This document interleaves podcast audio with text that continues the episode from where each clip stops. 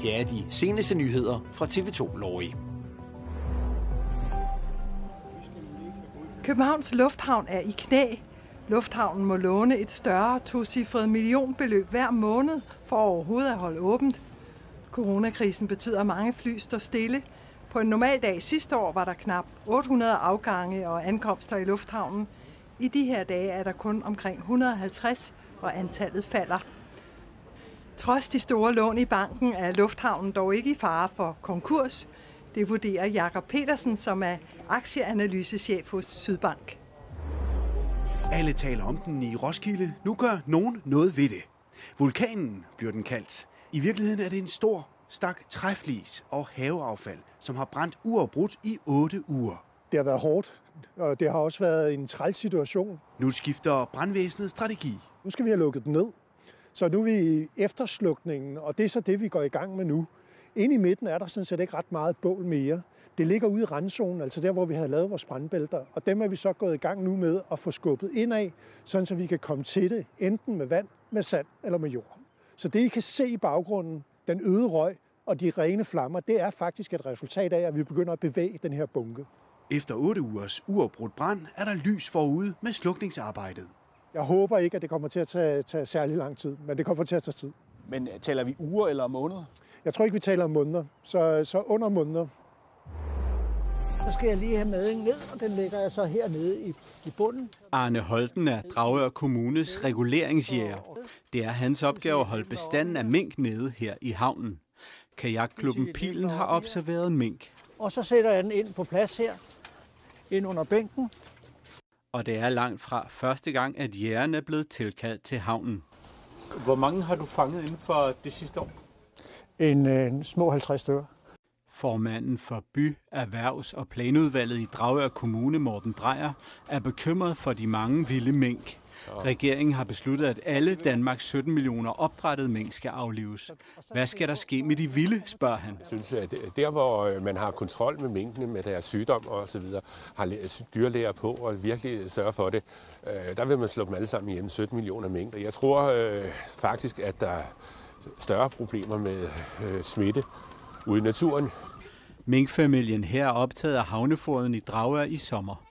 Minken er ikke en naturlig del af det danske dyreliv.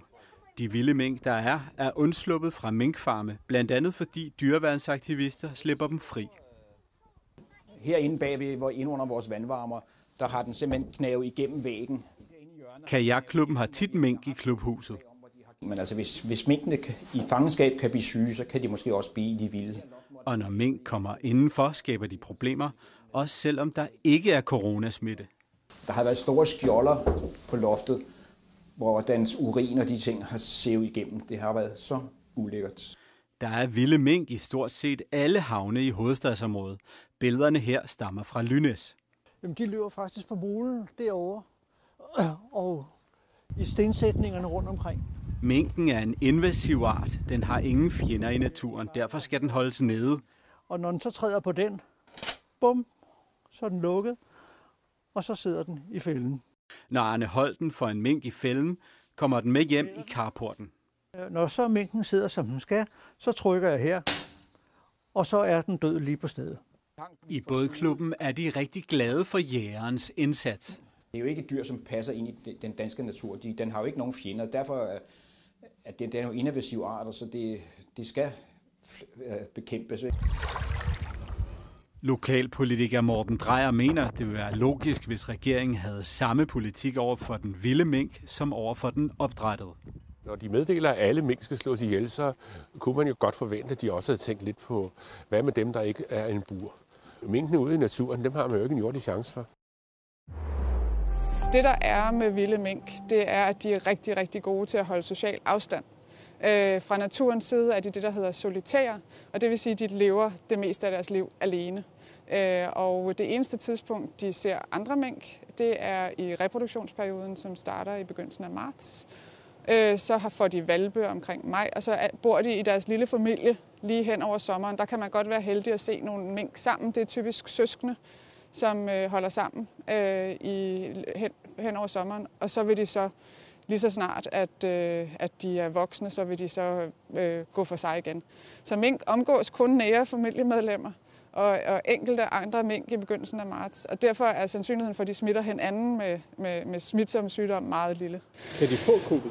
Øh, det kan de på samme måde som, det, det, det er fuldstændig de samme mink, vi har i naturen, øh, biologisk set, øh, som vi har, som der er i buerne. Det, det, det, det er den samme øh, øh, mink, øh, biologisk set. Så det, de, kan, de kan smittes med covid-19 på samme måde som dem i buerne. Bliver der holdt øje med, om de vilde mængder og får den her smitte? Ja, indtil årsskiftet, så er der en overvågning af vilde rovdyr. Så der, bliver, der er jæger, der simpelthen hjælper med at indsamle vilde mink og vilde morhunde og ræve, øh, som bliver øh, indsamlet og testet for covid-19. Øh, og mig bekendt har de været negative. Hvis mindre der kommer nye resultater ind, så har de været negative indtil nu. Og de bliver testet både for antistoffer, og så bliver de testet for virus. Når man er bekymret derude, Ja. øh, så siger du, det behøver man ikke at være. Altså man kan sige, under alle omstændigheder, så vil jeg anbefale, at man håndterer vilde rovdyr med forsigtighed. Og det er også fordi, at de kan have andre sygdomme, som kan være relevante for mennesker. Så jeg anbefaler altid, at hvis man håndterer levende eller døde vilde rovdyr, så skal man gøre det med stor hygiejne og forsigtighed.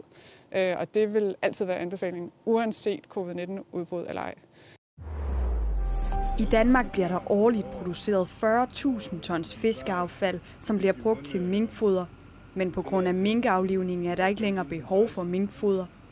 Det mærker man blandt andet her hos Ove Jørgensen, Hundested Fiskeeksport. Hvad tænkte du, da du hørte, at alle mink i Danmark de skal slås ned? Ja, jeg tænkte, det bliver noget af en katastrofe med alle det afskær, vi producerer i Danmark. Så det, jamen, øh, det var fra den ene dag til den anden, at fodercentralerne de sagde nej tak til det, så alle producenter, der laver affald, de stod med et problem. Og nu er der ikke længere behov for det her minkfoder, og det betyder, at I brænder ind med en masse af det her fiskeaffald. Men allerede nu, der har I fundet en løsning, og det er altså en løsning, der kan komme os andre til gavn. Hvad går det ud på? Ja, sild, sild og, sild og afskær, det kan bruges til fiskmel og lave med fiskeolie af, som man så raffinerer, så man kan bruge som menneskefiskeolie. Kommunerne Halsnæs, Helsingør og Gribskov beder nu Miljøministeriet om hjælp til at medfinansiere det store kystbeskyttelsesprojekt Nordkystens Fremtid. Tirsdag aften besluttede Gribskov Byråd sig nemlig for en bidragsfordeling, og i dag er alle tre byråd gået sammen for at bede Miljøministeren om en økonomisk håndsrækning. Tilbage i 2013 blev alle tre kommuner særdeles hårdt ramt under stormen Bodil. Stormen kostede millioner af kroner i skader og spiste en stor del af kyststrækningen. De tre kommuner forventer, at staten betaler en del af kystsikringsprojektet, som i alt koster ca. 500 millioner kroner over hele projektets levetid. Helsingørs borgmester Benedikte Kjær er fortrøstningsfuld i sin forventning til, at regeringen gerne vil medfinansiere projektet, og hun gør opmærksom på, at staten i årvis har kystsikret den jyske vestkyst. Alligevel vil Benedikte Kær gerne understrege, at projektet Nordkystens Fremtid realiseres med eller uden regeringens hjælp. Det er jo det, vi skal prøve at forhindre, at vores kyst bliver ødelagt af de kommende storme, af de kommende klimaforandringer, som vi sådan set allerede oplever nu. Så der er ikke nogen vej udenom. Vi skal ind og lave en klimasikring i forhold til vores kyster. Altså ja, det er, den palle der, den øh, stod op ad væggen der oven på det der. Og så er de altså kommet ind uh, via vinduet. Tryllekunstner Sonny Kagara har i weekenden haft ubudne gæster på sit kontor i Vallensbæk. Som, øh, der kan man jo altid skabe magi sådan her, ikke? Alt det her var jo bare... Altså, det ligner en stor... En bombe, der bare var sprunget, ikke? Natten til søndag brød nogen ind hos ham og stjal blandt andet et pengeskab. Men de tog også noget andet. Ja, vores opsparing og smykker og... Ja. ja. Og så alt mit udstyr, altså. Han har også fået stjålet eller ødelagt en stor del af sine rekvisitter, han bruger, når han optræder som tryllekunstner. Det her, der er noget elektronik, der er væk, ikke? Øh, men jeg har jo en hel masse sjove dimser og tricks, altså som bare... Altså alt har ligget ude på gulvet, ikke? Alt det her var røget ned, altså, så, eller blevet reddet ned. Ting, som har taget ham 20 år at samle sammen, og som ifølge Sonny Kagara er uerstattelige. Han antager, at 20. har stjålet for op imod en halv million kroner, og han er stadig ved at gøre skaden op. Han har allerede flere optrædende forude, og det bliver nu med væsentligt færre rekvisitter end normalt enten ligger man sig ned, eller så rejser man, så siger man, øh, nu skal jeg bare videre. Øh, jeg er rigtig ked af det, jeg er knækket ind i. Øh, ja, men, men ja, der er kun en vej frem, og det, det, Vi slutter aftenens udsendelse med en nyhed, du kan læse på vores hjemmeside. Her i Glostrup skal borgerne nemlig have en ny borgmester. Ham her, John Engelhardt fra Venstre, annoncerer her til aften, at han ikke genopstiller ved næste års kommunalvalg. Engelhardt har siddet som borgmester i Glostrup i 11 år, men næste år er det altså slut, og det sker efter en stormfuld valgperiode, hvor borgmesteren pludselig mistede sit flertal. Mere om det på tv2lorry.dk. Været præsenteres i samarbejde med Plantorama Store Julemarked. Når der ikke er så mange farver på himlen, så er det godt, at man kan lyse bygningen op og give lidt kulør på hverdagen. Her er det Gitte Brus, der har været ude ved den blå planet, og i hvert fald øh, her kan man se, at der er lidt blåt. For det er ikke meget blå himmel, der har været over Sjælland og Storkøbenhavn her de sidste mange dage. Det er faktisk fjerde dag her øh, torsdag, vi stort set ikke ser solen. 6-7 grader for morgenstunden, lidt mere vind vil der være fra sydøst, uden det på nogen måde blæsende, så er det dog mere vind, der har været de foregående dage. Op til en øh, 8-9 grader i løbet af dagen kan godt være en lille smule finere i luften i perioder, men det vil trods alt nok være sådan sporadisk, men mere i eftermiddagstimerne, der vil være i formiddagstimerne.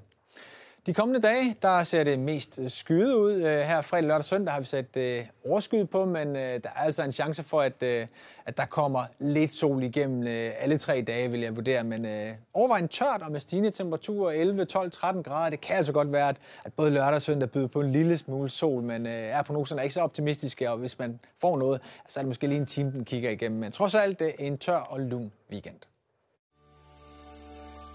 Været blev præsenteret i samarbejde med Plantorama Store Julemarked.